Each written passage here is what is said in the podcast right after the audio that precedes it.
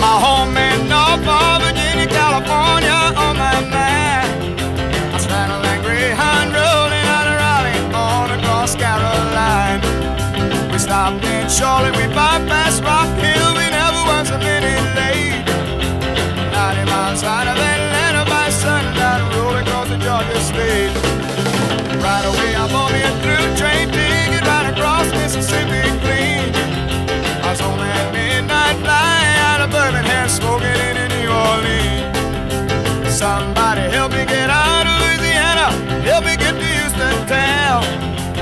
some folks who care little about me and they won't let the poor boy down. Bueno, lagunok, hemen gaude, soinu gelan, beste gazte batian, eta e, gaurko e, zaio honetan, izango ditugu, ba, joan zezkigun hainbeste musikarien e, astarna eta euren musika entzuteko parada izango dugu. E, egiten dugu, noiz benka, zoritxarrez gero eta ba, gehiago, ze mm, musikariak, rock, soul, mm, gehien, e, bueno, reggae, musika estilo asko, e, anistasuna badago e, soinu gelan, baina musikari asko, gure gustokoenetako, e, edadekoak dire, eta ba, logikoa batzuk joaten dire. Eta aste honetan, batez be, bueno, gehiago izango ditu gero, baina hasieran batez ere itxe dugu David Lindley, e, Kaliforniarra, musikari Kaliforniarra buruz. David Lindley e, hil zan, pasaden e, martxoaren iruan, orain egun batzuk, iruro gita amazortzi urte zituelarik.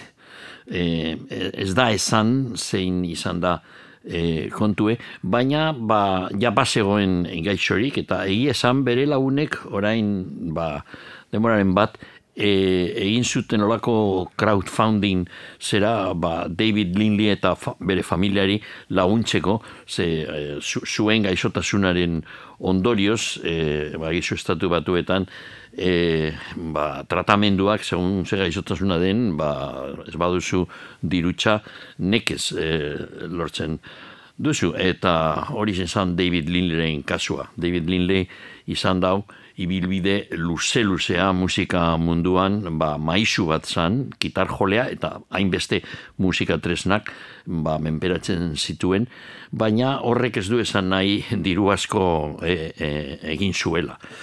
Bueno, David Lindley jaio zan e, San Marino, San Marino da e, Los Angeleseko ba, auzo bat, e, zera, ipar ekialdean, Los Angeleseko oso bat, eta bertan ja oso gaztia zanean, eta bere, bere aitak basuen etxean, e, zera, disko bilduma ederra, batez be, e, zera, mediterraneo inguruko musika, flamenko barru, eta gero, ba, asiako musika ere.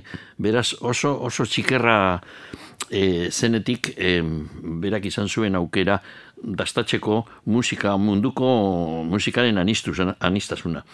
E, oso gaztea be izanik, amala urterekin, hasi izan joaten e, mm, Asgrove e, izeneko Hollywooden zegoen areto baten, nun e, blues, country, bluegrass eta abarreko herri, e, Ameriketako herri musikaren estiloa jotzen ziren. Apur bat bere ibilbidea raikuderren paralelo izan da. E, gero, mm, bueno, berak hasi izan gitarra jotzen oso gaztea zanean, baina banjo, eh, izan zan berak e, banjo eta bibolina menperatzen zituen musika tresnak be. Eta amazortzi urte zituenean, Topanga Canyon banjo eta Fidel e, zera, txapelketan, e, bera txapelduna izan zan. E. Gero, Rhythm and Blues eragina handia izan zan. Eta, bueno, gero komentatuko dugu zein izan ziren mm, musikalki bere lehenengoko pausu, profesional moduan, baina harinago mm, gauza bitxia entzungo dugu. Eta bat du, gero ikusiko dugu moduan David Lindley, Lindleyekin e, lotura eta lotura handia. Kantu hau deitzen da Stay, egon. E, Mila bedatzen eta iruro gehian, dubop e, talde bat, Maurice Williams and the Zodiacs, Eurek izan zuten arrakasta handi bat kantu honekin, eta zeurazki izan da, ba, kantu arrakastatxoen artean laburrenetakoa. Eh? Minutu bat eta barraui segundu bakarrik. Ez da denbora gehiagorik behar egiteko olako gauza ederra. Estei. Just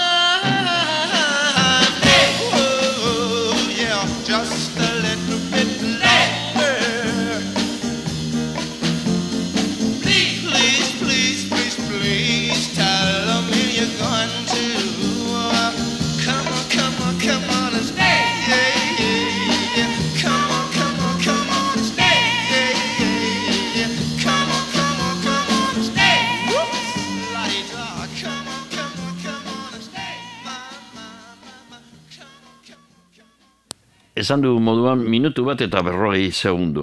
E, hori da Maurice Williamsek eta The Zodiasek behar zuten denbora egiteko kantu hau. Bueno, ba, amazazpi urte beranduago, Jackson Brown, Jackson Brown izan da David Lindleyen ibilbidean, mm, nik esango nuke bere lagunik handiena, bere, bere ondoan egon da askotan, Jackson Brown jakina bihurtu zen garai baten, iruro eta amarreko, larogeiko amarkadetan, e, Kaliforniako inguru horretan, em, kantari kantu egile eh, handienetakoa, eta David Lindley, em, ia, bueno, urte askotarako izan zen bere diskoetan jotzen, eta berarekin batera e, birak egiten, kontzertuak egiten. Bueno, mila bederatzeron eta irurogeta eh, ama zazpian, Jackson Brownek kaleratu zuen Running on Empty izeneko LPA, izan zen oso LP berezia, zeren eta mm, izan barik eh, live eh, record bat, zain kontzertu bat grabatua, baina kantu guztiak izan ziren nolabait estudiotik at erregistratuak. Batxutan eskenatokian, beste batxutan aldagelan edo hotelaren e, gelan kontzertuaren ostean eta bar. Eta diskoaren bukaeran zegoen kantu hau be, Stay, berzio ezagunena, jar- jarri duguna Maurice Williamsena, jatorrizkoa gitxiago entzunda izan da Europan esate baterako, baina Jackson Brownena zabaldu zanpilo bat. Eta nor dago kantu honetan? Ba, David Lindley. David Lindley egiten dau falseto hori, bueno, mm, kantuan, Jackson Brownen kantuan dauz hiru abots, Jackson Brownena, neska bat, eta gero falseto handizena David Lindleyek egiten duena. Just a little bit longer. We wanna play just a little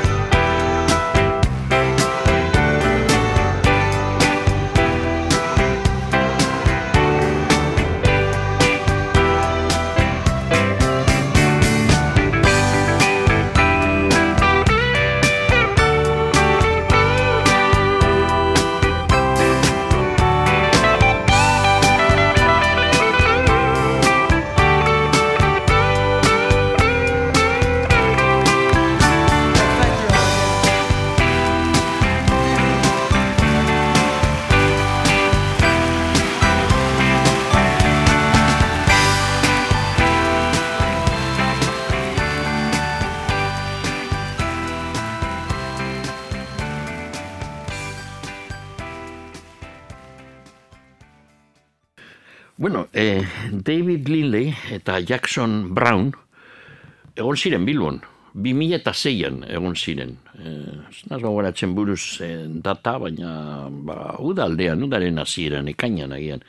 Egon ziren boluetako Santana aretoan, eta mm, ba, zuten oso kontzertu atsegina benetan, Jackson Brown eta David Lindley formatu akustikoan, eta laguntzaile bakarra Tino Di Geraldo, perkusio jolea, ba, Paco de Lucia eta inbeste musikariekin ibilitakoa. Eta irurok batera, grabatu, mm, gra, bueno, egin zuten kontzertu mm, azte zina, egon zan beteta, leporaino.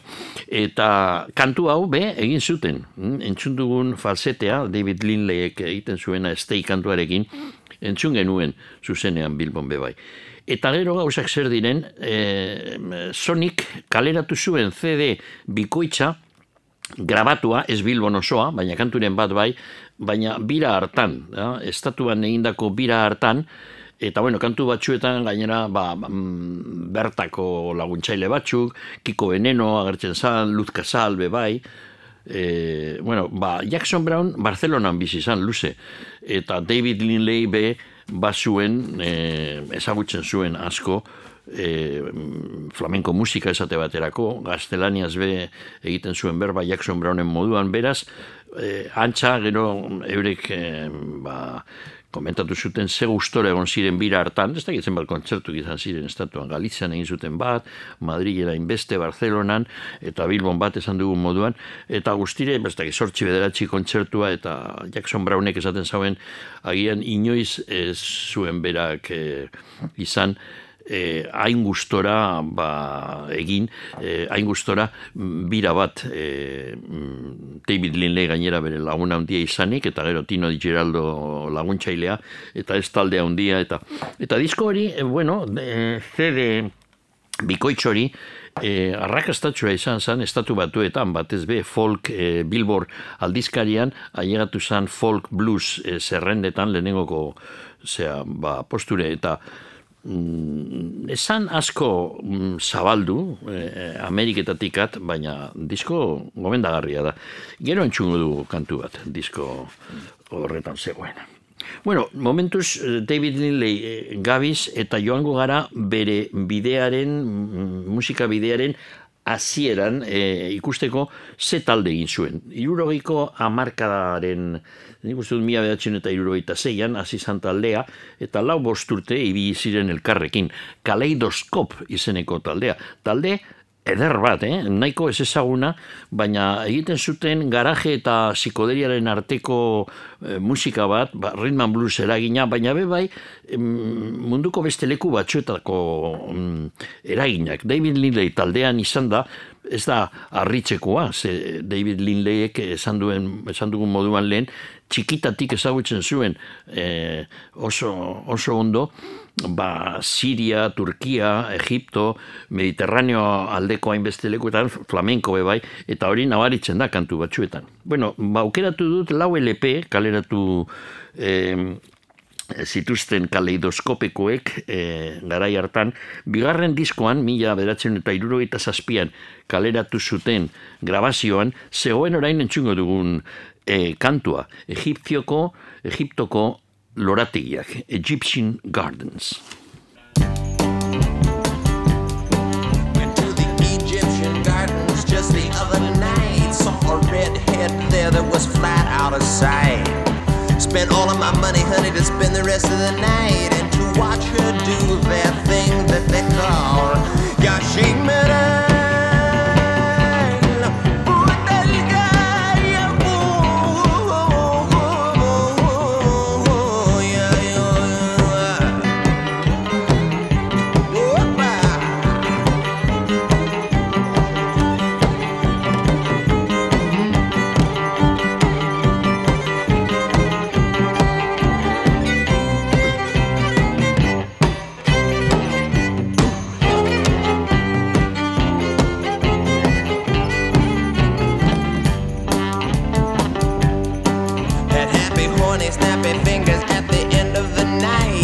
When some dude walks up to me and says, That's mine, let's you and me fight. Pulls out my rosin and says, Baby, have a bite. And he went floating off through the fog with that thing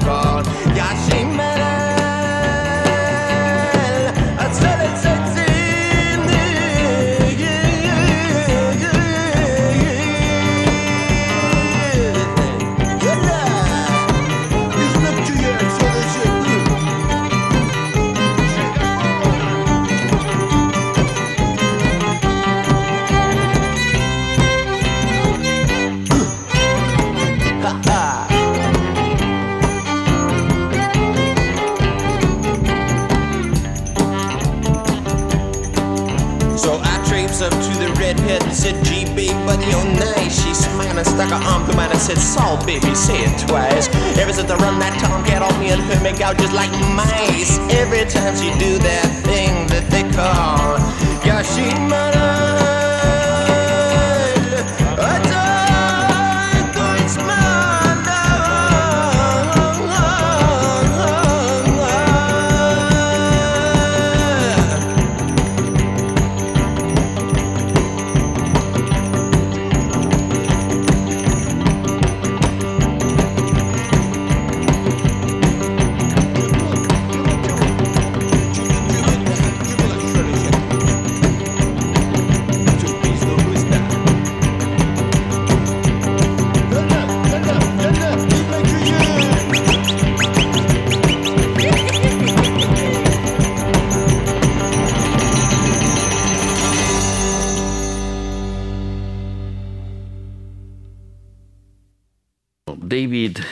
Linley ibilbidea gabiz eh, aztertzen apur bat. Kantu hau Egyptian Gardens eh, kaleidoskop taldearen eh, kantua. Mm, David Linley lehenengoko taldea hausi zin zan. Taldea desegin zanean, hori izin zan, nik uste irurogeita maikan edo, ba, joan zan eh, David Linley urte pare bat Inglaterrara, bizitzera Inglaterran. Eta Inglaterran, ba, mm, bere musika mm, ze, gustatzen zaizkien mm, musika estiloak ba, garatzeko aukera izan zuen. Esate baterako reggae. Reggae garai hartan, estatu batuetan baino, eragina handia zuen Inglaterran, Britainian. Britaina handian, ze jende asko Jamaikakoa eta Karibekoak eh, joan ziren Inglaterrara eta Inglaterran zegoen ba, diskoetarako eta kontzertuetarako merkatu indartsu bat e, reggae musikarako. Beraz, e, beste eragin batzuk nolabait ikasi hartu zituen e, bertan, eta bueltatu zen gero estatu batuetara, Eta komentatu dugun moduan Jackson Brownekin grabatu zituen mm, eta amarreko amarkada oso hartan hainbeste, hainbeste disko eta hainbeste ba, lanak elkarrekin egindakoak. Baina mm, David Lindley bihurtu zan eh, era berean oso musika, eh, musikari e, baloratua eta ba, kantari asko eta talde askok nahi zuten bere parte hartzea estudioetan. Ementeko zerrendatxo bat, ez da osoa, eh? agertzen dire izen batzuk, eta euren diskoetan David Lindley egon zan, eh, askotan, eh, kantu ezberdinetan. Beitu zelako zerrenda.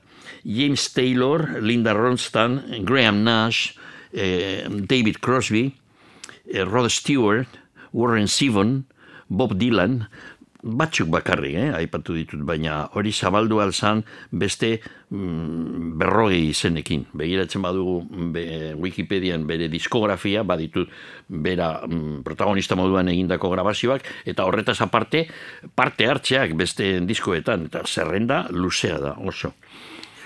Bueno, eh, gero mila bederatzireun eta larogeita batean, David Lindleyek grabatu zuen agian bere lanik eta borobilena. Jackson Brown produktorea izan zan, eh, David Lindleyek egin zuen, eh, elkartu zuen bere ondoan talde bat, El Rayo X izenekoa, Eta mm, hori izan da, mm, nik esango nuke inoiz grabatu duen berak eh, diskorik onena. Gero, El Rayo X taldearekin beste hiru edo lau LP kaleratu ziren, laroiko amarkada hartan, baina onena, kasu honetan lehenengokoa izen zan. Oso, oso grabazio, oso vinilo mm, eh, ederra, benetan. Bueno, entxungo ditugu kantu batzuk. Eta orain ikusiko dugu klasikoekin, eh, eh, klasiko, kantu klasikoekin, e, estatu batuetako herri musikaren klasiko batzuekin egindako lana eta zelan mm, beti imprimitzen zuen David Lindleyek e, bere nolabait bere espiritua, bere bueno, beste musika munduetatik ekarritako e, mm, anistasuna. Lehenengoko kantu entzungo duguna, ematen zion izena disko horri, LP horri, eta e, taldearen moduan El Rayo X deitzen da. Hau da kantua. El Rayo X, David Lindley eta El Rayo X taldeak, taldeak egindakoa.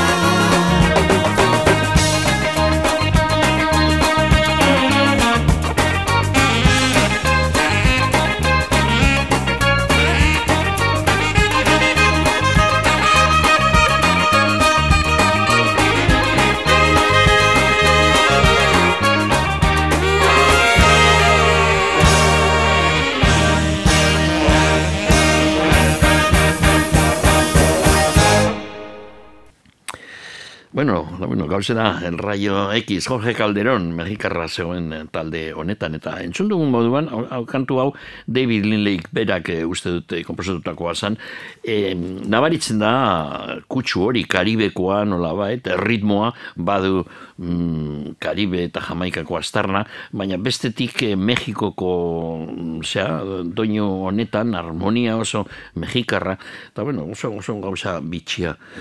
E, disko honetan ziren klasiko batzuk eta hiru aukeratu ditut. Em, LP hau, El Rayo X, kaleratu zan mila behatzen eta laro eta batean. Eta bitu ze gauza derrak, ze gauza derra egin zuen Linleek Twist and Shout kantu famatuarekin. Bakizu, Twist and Shout, e, Rhythm and Blues e, mundutik e, dator. E, eta, bueno, ba, The Beatlesek izan zuten arrakasta hundi, eta, bueno, dauz, mm, eundaka berzinoak. Baina nik esango nuke David, e, David Lindleyena onenetakoa da. Eta berriro ere, beitu zelan e, ekartzen dau e, Jamaikako e, nola baita upada hori kantu famatu honi. Twist and Shout.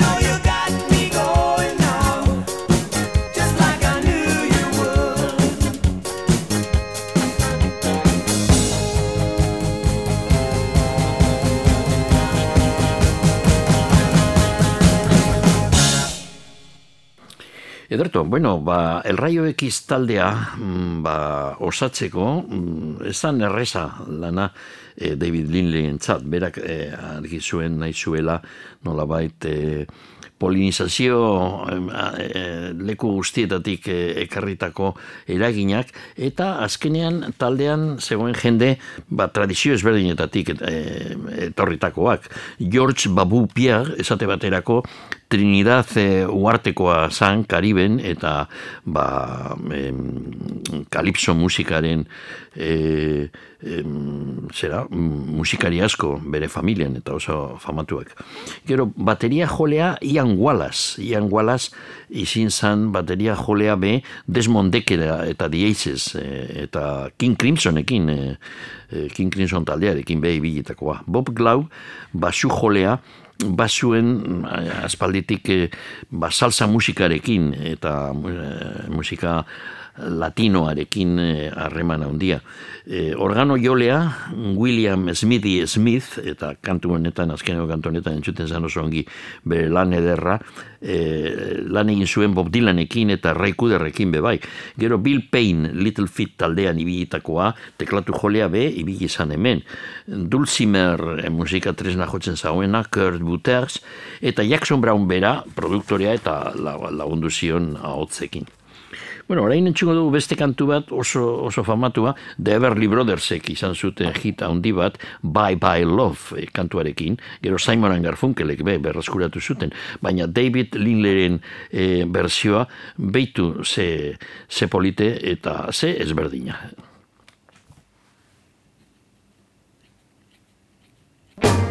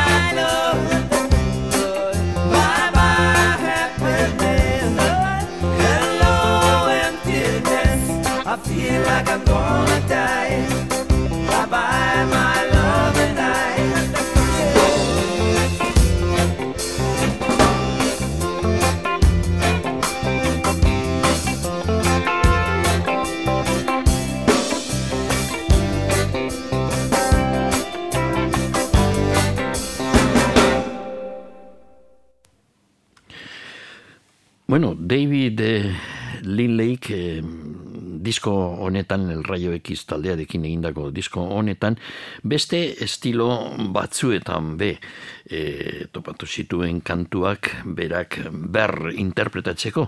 Eta Mercury, Mercury Blues da adibide on bat disko vinilo honetan ere zegoen kantua. Hauze Casey Douglas eh, bluesmanak egindakoa, Kaliforniako bluesman eh, ez oso ezaguna, baina haundia izanik Mercury Blues izan zen bere kanturik eta famatuena. Hau da Lindley eta El Rayo Xek egin zuten berzioa.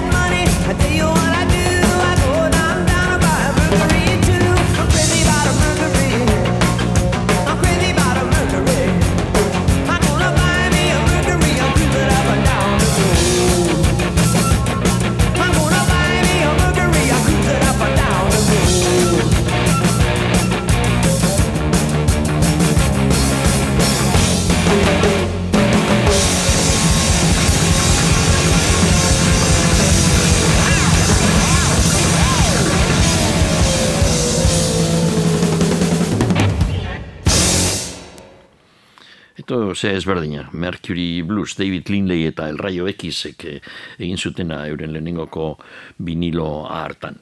Bueno, eh, lehen esan dugu, David Lindley eh, laguntzaile moduan hainbeste grabazioetan eh, egon zala, eta aukeratu dugu bat adibide moduan, hause grabatu zen mila bedatzen eta iruroita mabostean, eta izan zen Rod Stewartek, eh, Eskoziako Rod Stewartek egindako eta diskorik eh, onenetakoa.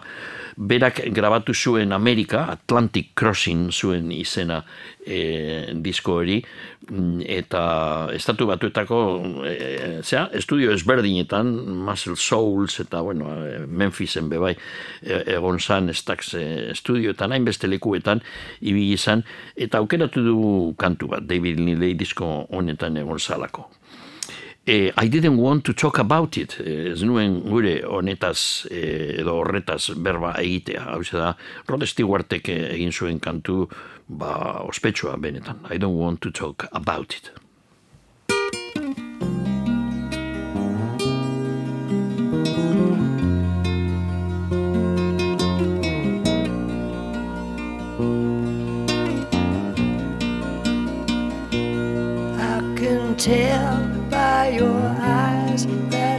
Probably been crying forever.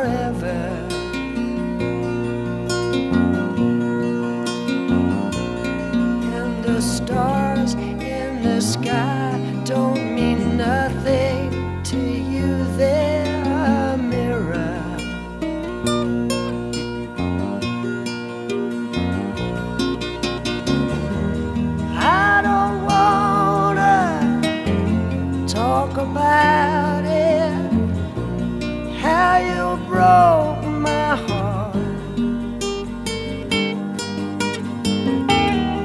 If I stay here just a little bit longer. If I stay here, won't you listen? to my heart.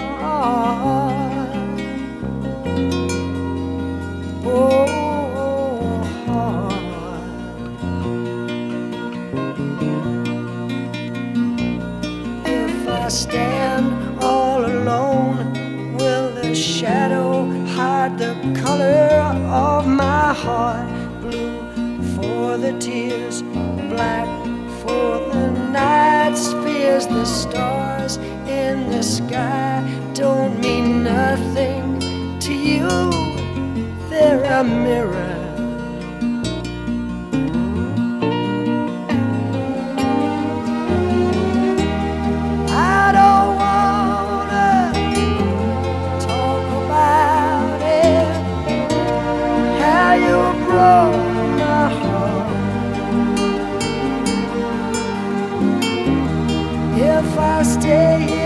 Just a little bit longer.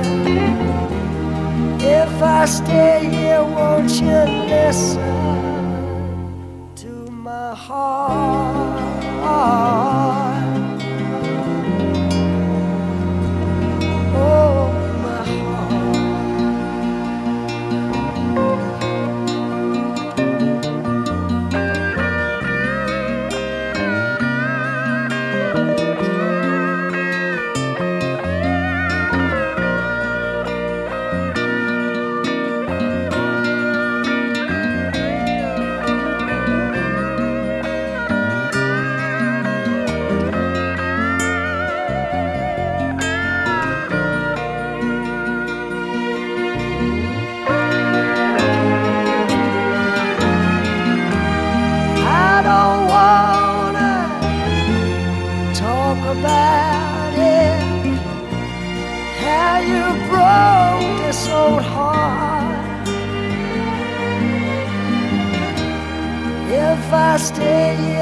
Just a little bit longer.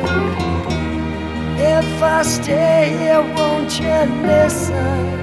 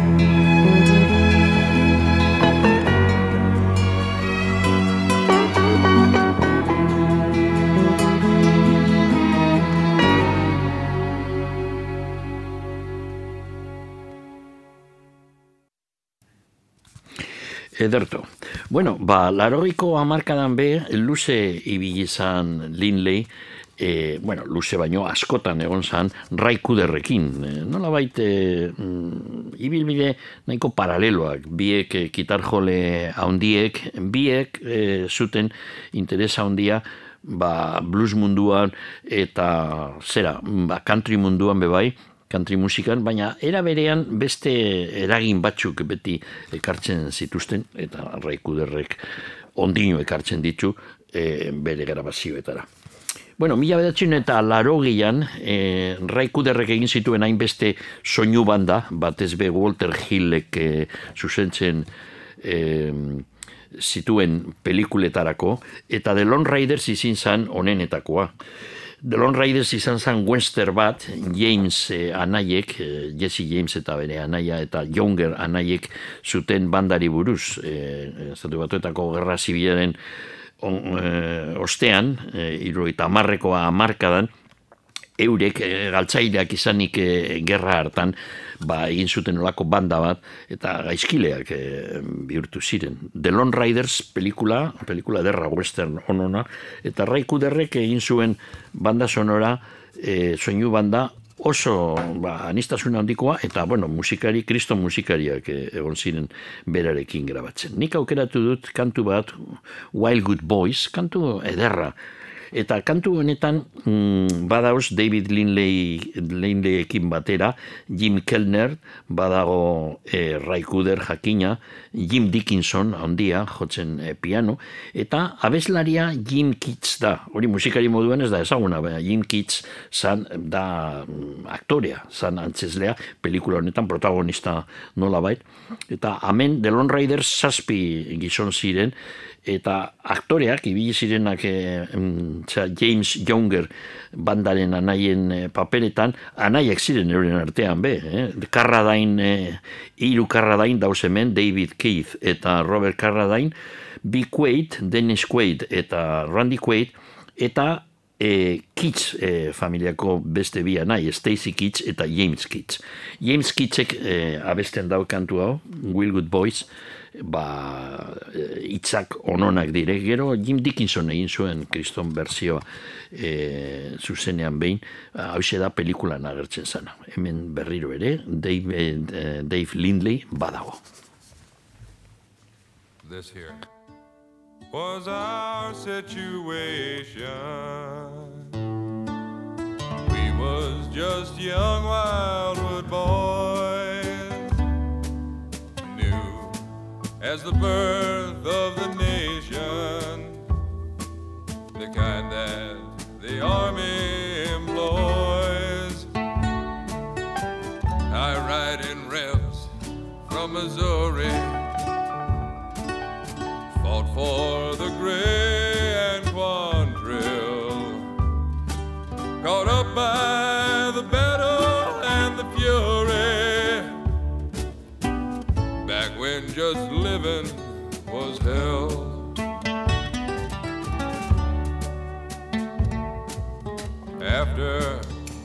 battle was over, and after the Union had won, it was quitting that made us the loser. So we kept doing just what we'd done. Riding as comrades together. We looted the trains Removing that carpetbag money and sticking it hard to the Yanks.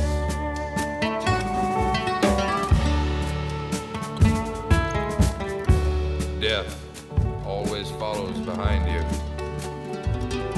When you ride down that old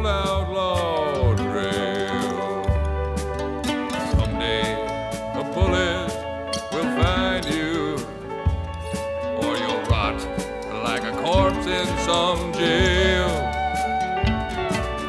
Turning your back to the danger is a wager no man can afford.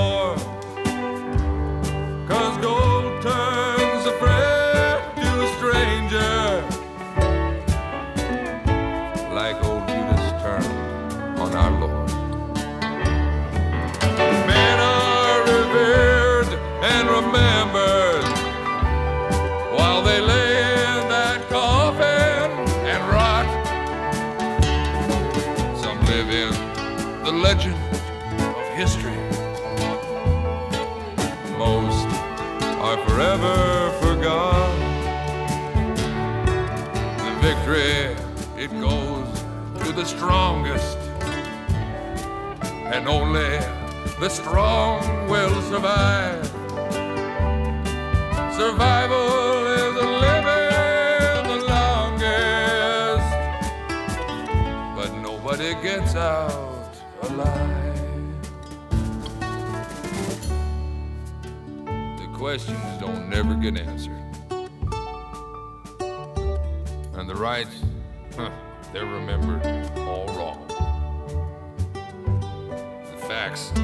they can get plenty confusing. So someday, if uh, you happen to be singing this song, remember, it's just for the record. You can't change the handwork of fate. And tell 'em I live for the moment. I died when I tried to go.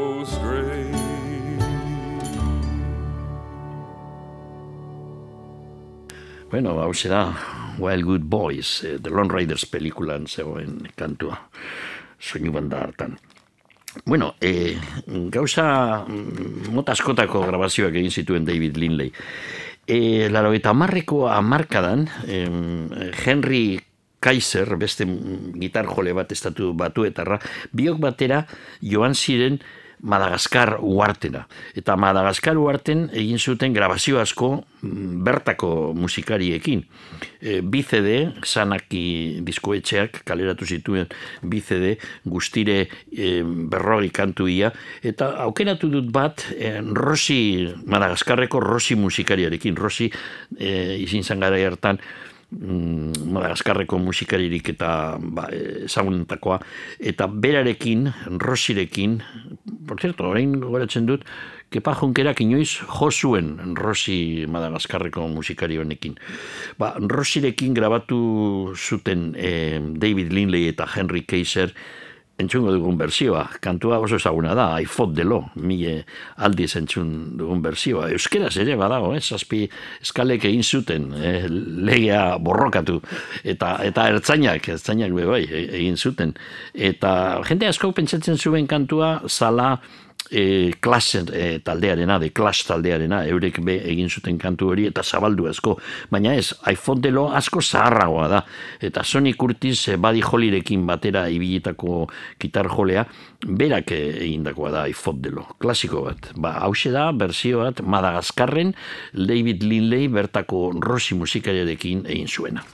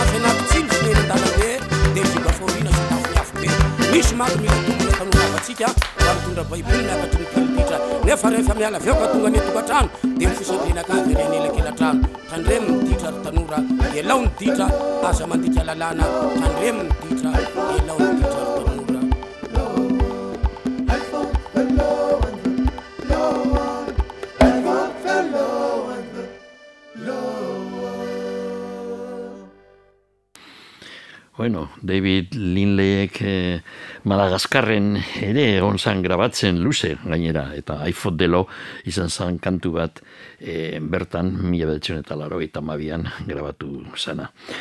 Bueno, ba, eta bukatzeko mm, Dave Linley egin dion eh, omen alditxoa, eh, kantu bat 2006an grabatutakoa. Programaren hasieran esan dugu zelan Jackson Brown, David Linley eta eh, Tony mm, zea, mm, di Ge- Geraldo, eh, perkusio jolea, egin zuten bira bat estatuan, hainbeste kontzertu Bilbon be egon ziren, eta hori gero kaleratu zan, eh, CD bikoitz bat, Sonic kaleratu zuen, esan asko zabaldu Ameriketatik at, baina topatu dugu kantu bat eh, interneten, hau da klasiko bat, eh, Jackson Brownek egin zuen kantua, jatorriz, The Eaglesek, kriston arrakasta izan, izan zuten, eta hau da bersio bat, Dave Linleyekin batera, eta Tino Di Geraldo B laguntzailea egindako Take It Easy kantuaren bersioa.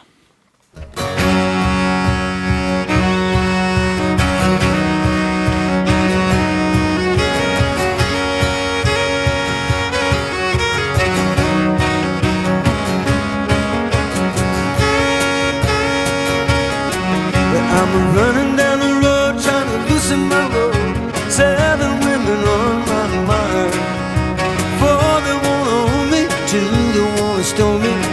Said she's a friend of mine. Take it easy, take it easy. Don't let the sound of your own wheels drive you crazy. Lighten up while you still can. Don't even try to understand. Just find a place to make your stand.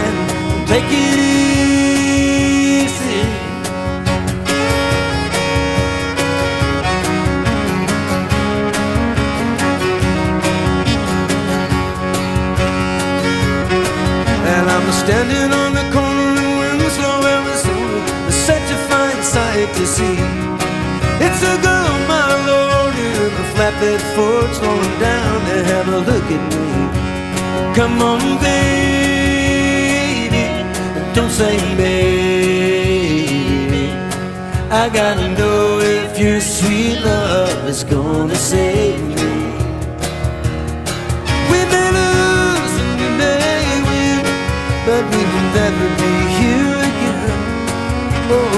I'm climbing in to take it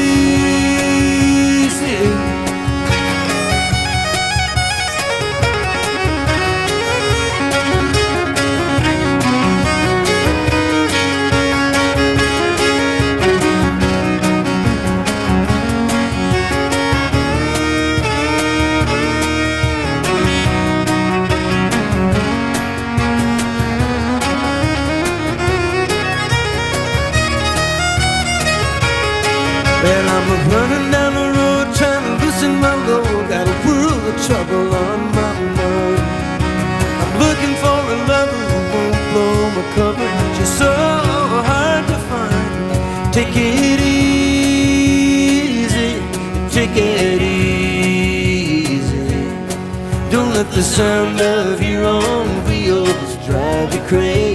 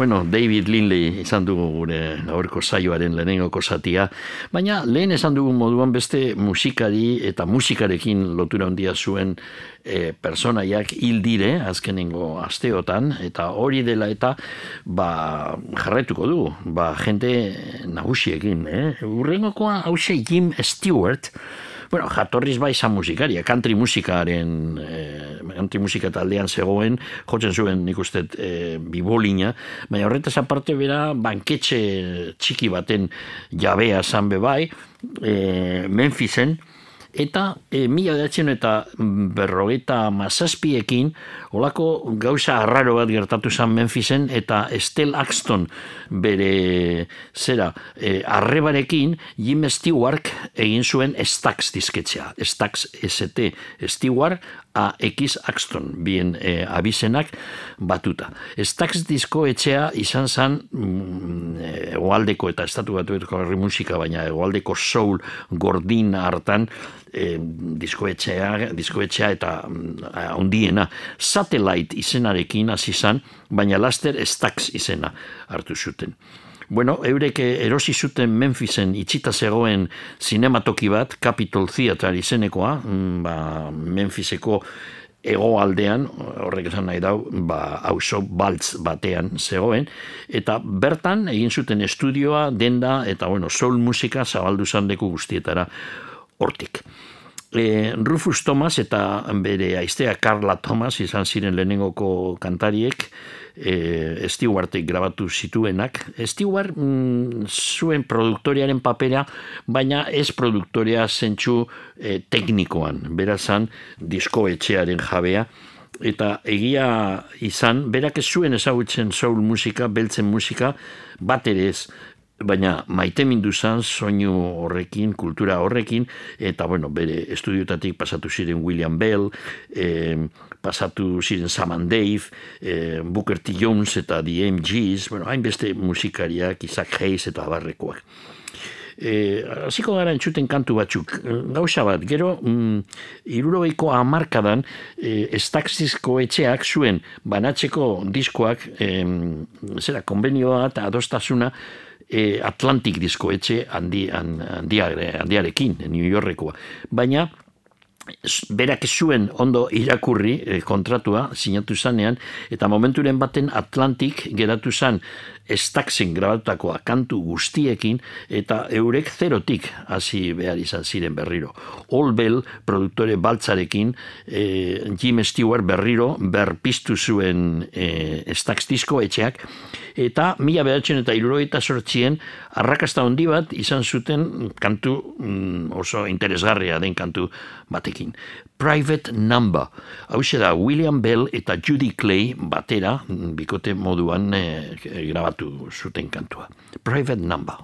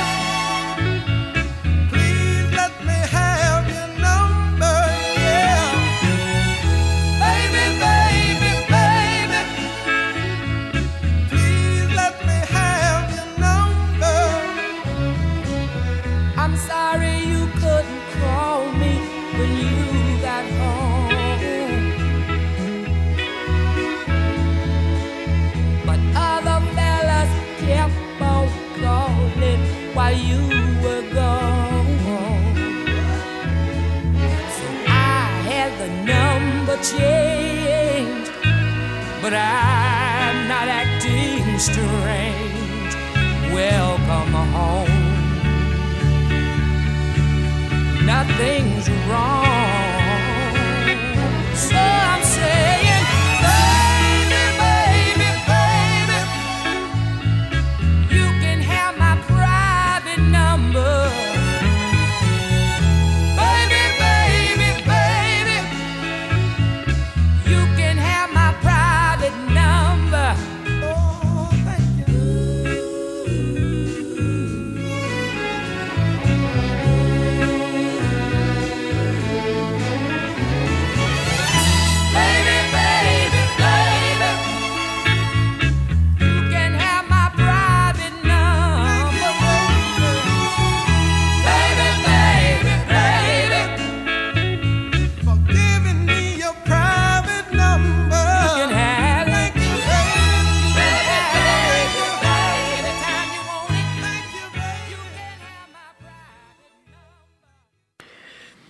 pare bat kantu gehiago entzungo ditugu, estax garaikoak, mi aldiz e, entzun dire zein, abestiak dire. Eta segurazki, biak e, soinu gelan, ba, azkenengo, zenbat urte dire, ba, hogeita sortzi urte, nik uste, e, entzun dire. Hau da, hold on, I'm coming, mila bedatzen eta iroita zeian saman deibek grabatutakoa.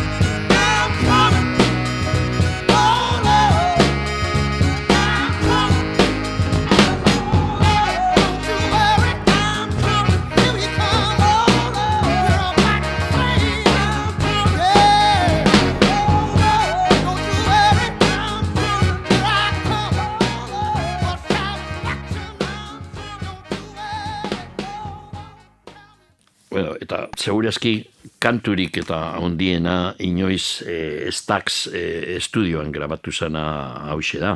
Otis Redinek eta Steve Cropperrek idatzi zuten kantua eta eurek grabatu zuten, e, grabatu zuten Sitting on the Dock of the Bay.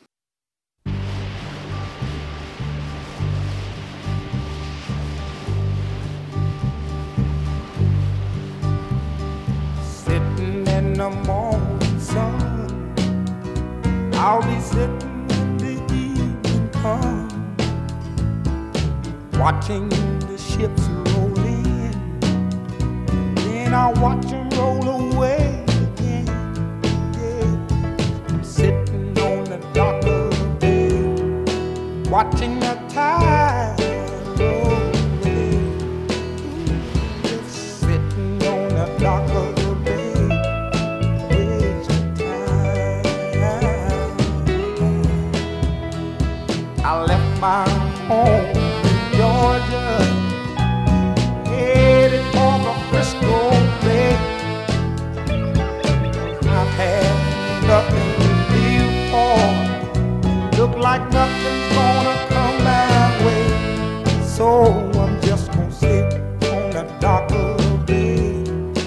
watching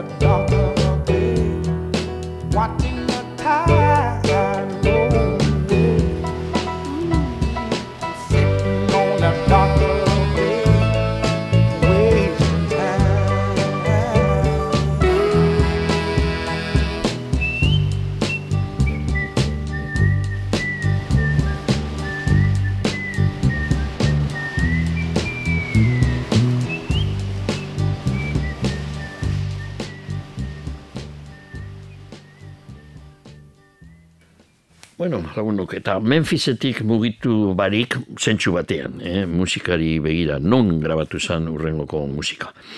Kontua da Martin Duffy, Primal Scream Inglaterrako taldearen teklatu jolea hildala. Bera jaio zan Birminghamen mila bedertzen eta eta zazpian, eta pasaden abenduan, 2000 eta hogeita bian, beraz, hilda. Mm, ondino gaztea izanik, nolabait. Bobby Gillespie taldearen abeslariaren arabera Martin, Martin Duffy zan Primal Scream taldearen bihotza distiratsuena musika aldetik eh, bere berak emoten zeuena taldeari eh, zinbestekoa zen. Mila bedertzen eta larogeita amaikan egin zuten eh, Primal Screamekoek Screamadelica izeneko grabazioa ederra, eh, benetazko lan maizua. Bueno, jatorri zeurek joan ziren Memphisera eta Arden estudioan, ba, bertako, ba, Stax disko, disko etxean be lan egiten zu, zuten batzuk, batzutan, e, estatu batuetako musikariekin eurek grabatu zuten e, eskrimadelika lehenengoko bersioa. Gero Inglaterran e, aldaketa batzuk egin zuten, nik ekarri dut, hau, gustatzen zai gehiago, bigarrena baino, famatu egin zan baino, baina mm, beranduago berreskuratu zuten The Original Memphis Recordings. Bi kantu entzungo ditugu, lehenengokoa da Jailbird. Scratching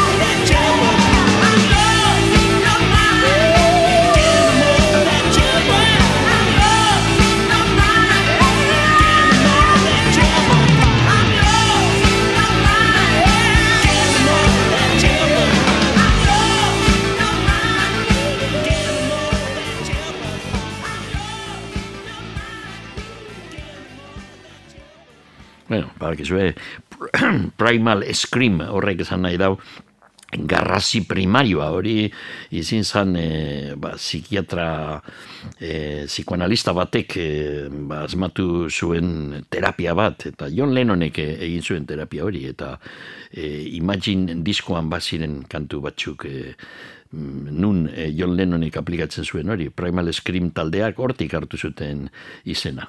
Bueno, beste kantu bat entzungo dugu, Primal Screamek e, Memphisen grabatu zuena Screamadelika diskorako, Call on Me.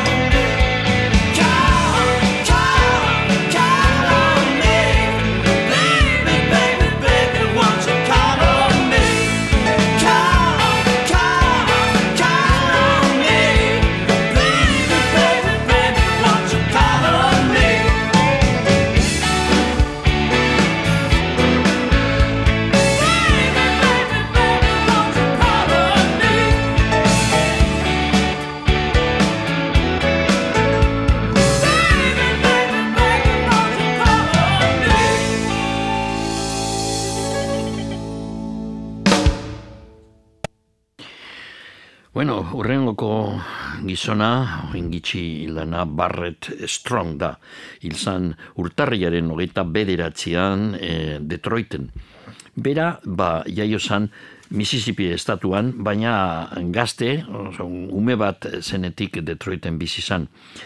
Amala urterekin hasi zan kantuak idazten, ondino gazte-gaztea zanean, eta bueno, berak e, inoiz esan zauen, e, ez zuela gustatzen hainbeste ba, piano jotzen edo kantatzen eskenatokietan baizik eta kantuak egitea, gera, be- bera kantari kantu egilea, kantu egilea, izanik gehiago kantu egilea kantaria baino. E, esate baterako kantu batzuk aukeratu ditugu, eta entzunga ditugu gero, famatuenetakoak Motown urrezko garaian, baina aurretik mila bederatzireun eta e, irurogeian, berak konposatu zuen e, Motown disketxearen burua jabearekin berri gordirekin batera, kantu bat, Money, That's What I Want, dirua, hause da gure dodana, eta kantu hori e, Barrett Strongek berak e, a, zera, abestu zuen. Eta gero kantua oso famatu izan da. Inglaterran bai The Beatlesek, bai The Rolling Stonesek grabatu zuten Money, That's What I Want. Hau da jatorrizko berzioa, Barrett Stronget grabatu zuena mila bederatzireun eta irurogeian.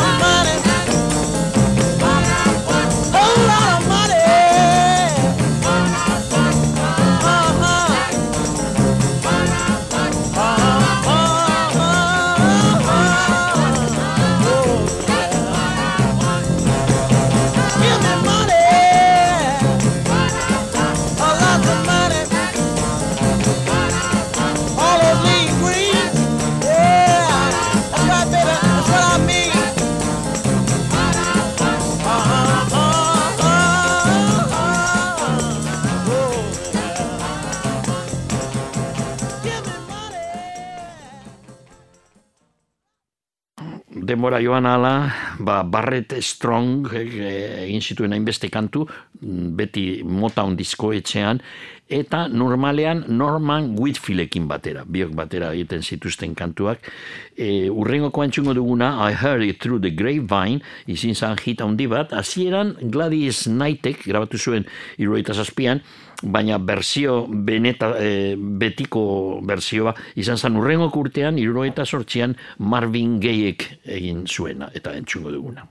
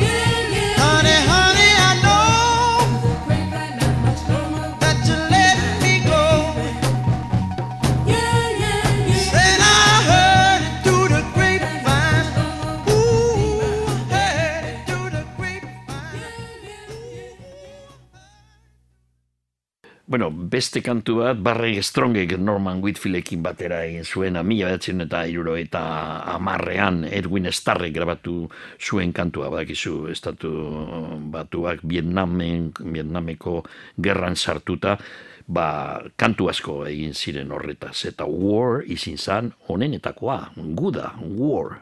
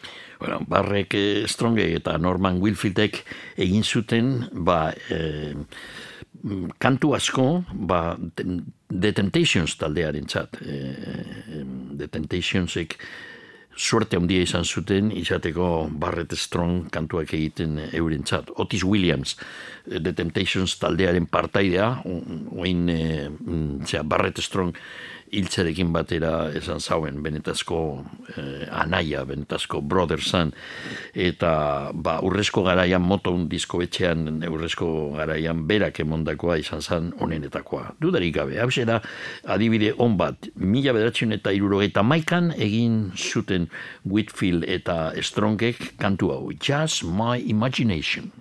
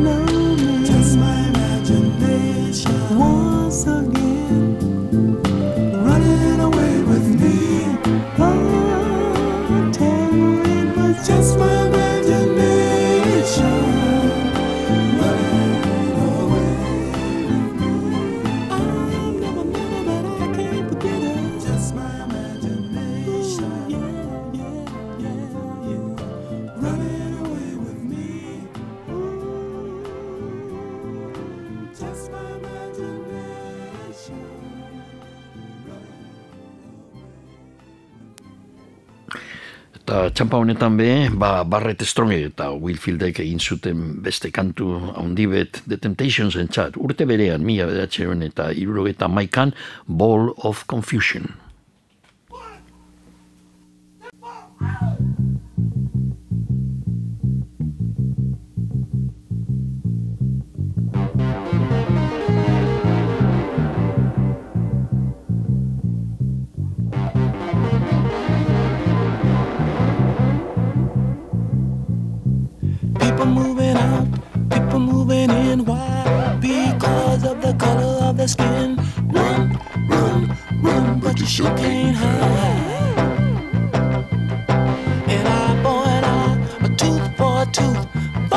me, and I'll set you free. Rap on, brother, rap on. Well, the only person talking about love, thine brother, is the preacher. And it seems nobody's interested in learning but the teacher. Segregation, determination, demonstration, integration, aggravation, humiliation, obligation to our nation. All the children.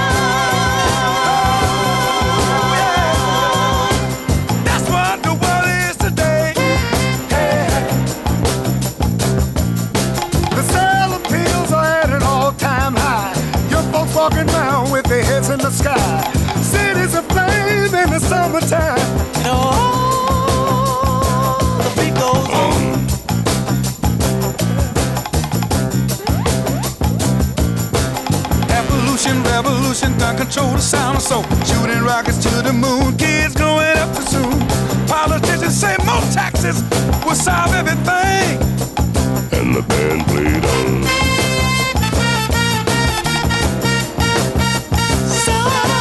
Round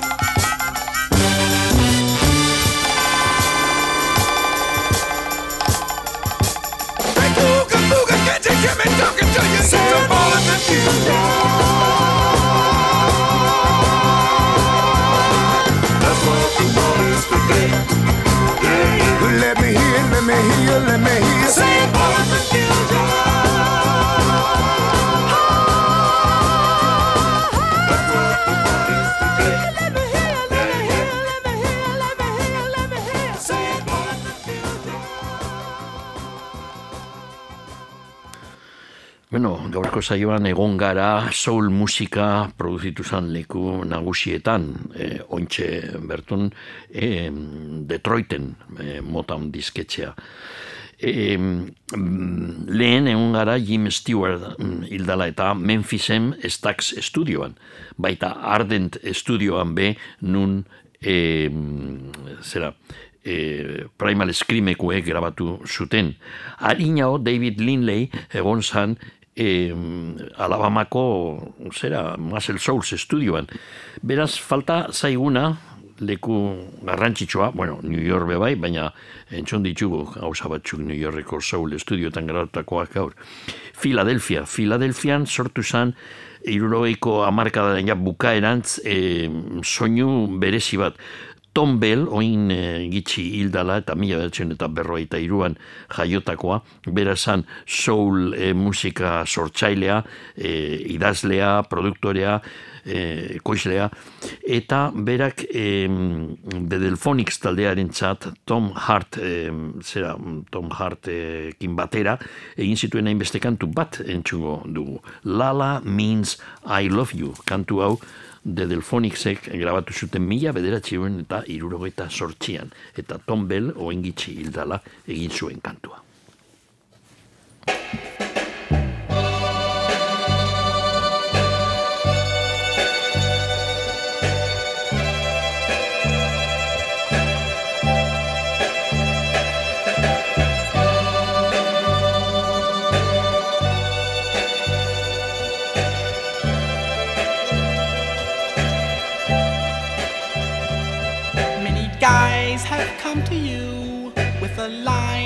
Wasn't true, and you passed them by.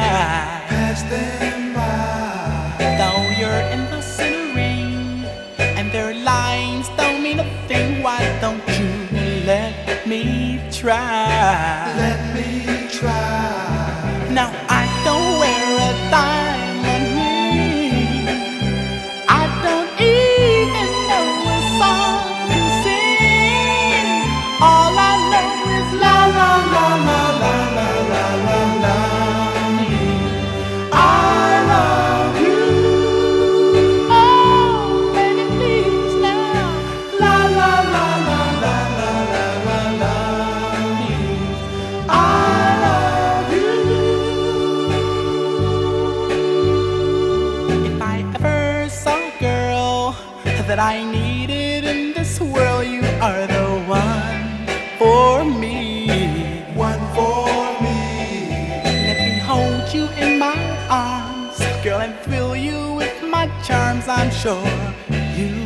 não se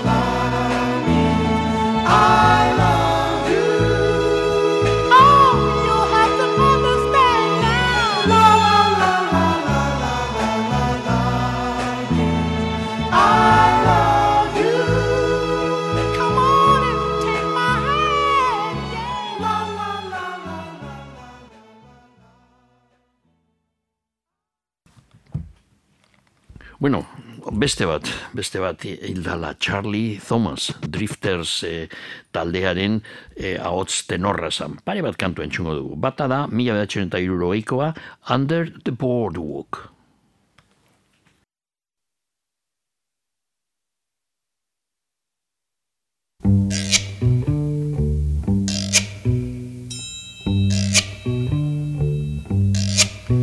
When the sun beats down and burns the tar up on the roof, and your shoes get so hot, you wish your tired feet were fireproof. Under the boardwalk, down by the sea, on a blanket with my baby's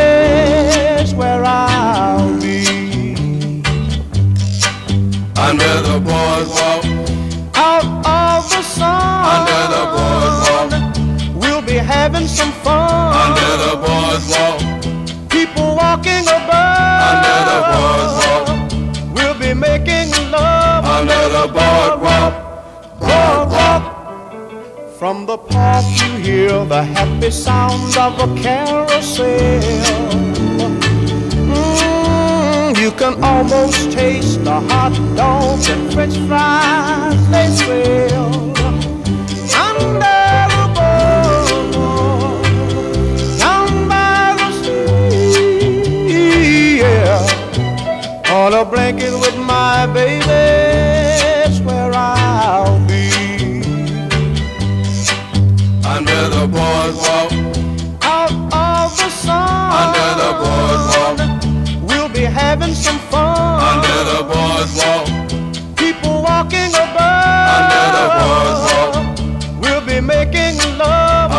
the boardwalk, boardwalk.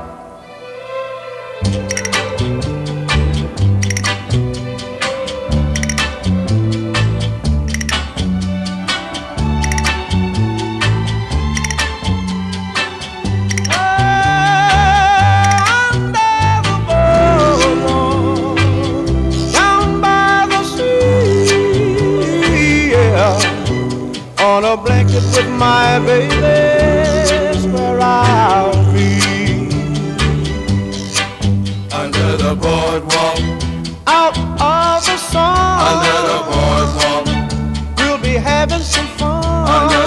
sidewalk.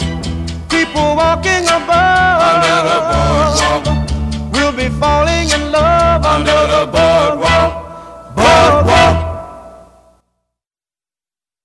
Bueno, eta Charlie Thomas izan zen abeslari eh, nagusie, urrengoko kantuan, Sweet for my sweet, beste kantu handi bat. Ezagunagoa, eh, jakina Inglaterran The Searchersek eh, egin zuten berzioa, baina jatorrizko hau da, The Driftersena, Sweet for my sweet. If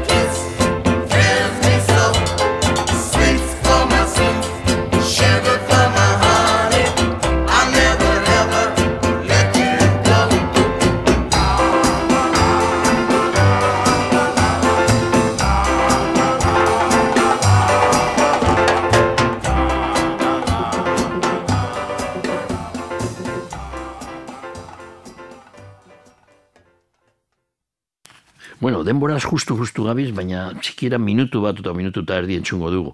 Bakizuen hor hilden, e, hilda David Lynchen hainbeste filmetan ba, musika soinu bandak egiten zituen Angelo Badalamendi musikari, musikagile handia handia. Berak, e, e, mila detzen eta laro eta marrean, David Lynchek egin zuen Twin Peaks serie famatua eta Badalamendiren e, musika zegoen serie horretan.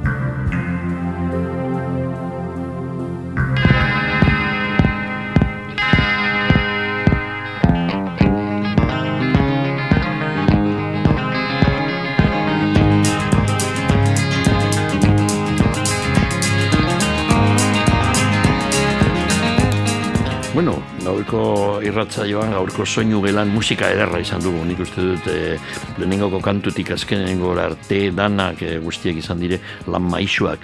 E, eta guztiak izan dire mm, kantuak loturak e, izan dutenak ba, hil diren musikariekin edo produktorekin edo musikegilekin.